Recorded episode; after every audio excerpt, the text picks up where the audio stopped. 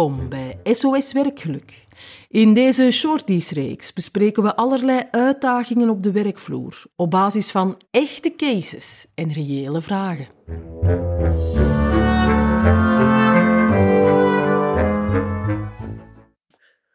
Een vraag die we heel vaak krijgen is de vraag rond een duurzaam werkgeluk of welzijnsbeleid. Hoe pakken we dat nu precies aan? En ik denk dat daar wel wat voor te zeggen valt, ik.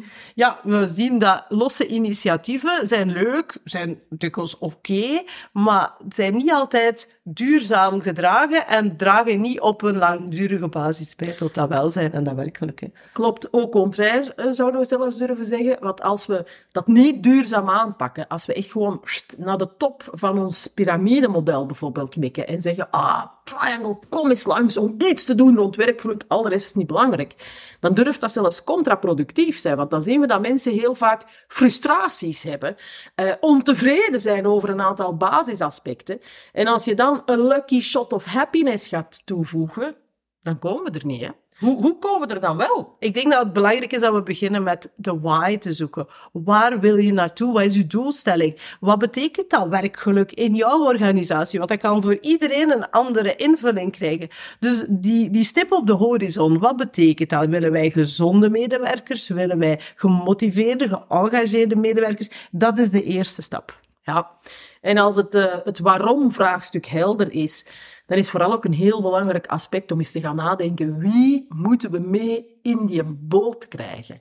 Um, en heel vaak zijn mensen het erover eens hè, dat we bovenaan de organisatie uh, leading by example moeten gaan doen. En dat klopt. Dat, dat, is een hele belangrijke. En als uw C-level niet mee is, uw CEO, CFO, CHO bijvoorbeeld, hè, ja, dan, dan ga je het moeilijk krijgen.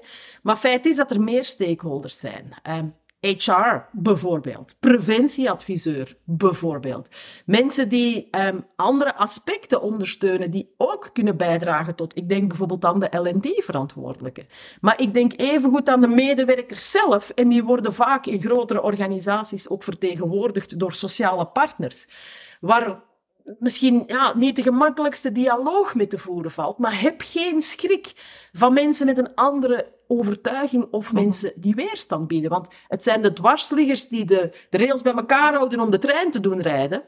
En als we duurzaam willen werken aan mhm. welzijn en werkgeluk, dan moeten we net die dialoog ook constructief en duurzaam met iedereen aan boord kunnen gaan voeren. Absoluut.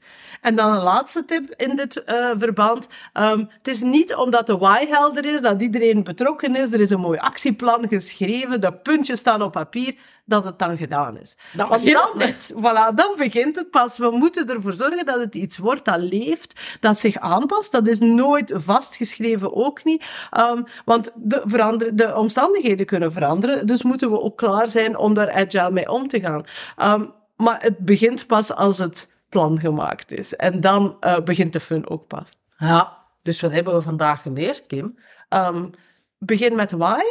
Ja, zorg dat al je stakeholders aan boord zijn. En ook al is het een moeilijk gesprek, ga het aan. En trouwens, één keer is geen keer. Dus nog eens en nog eens en nog eens indien nodig.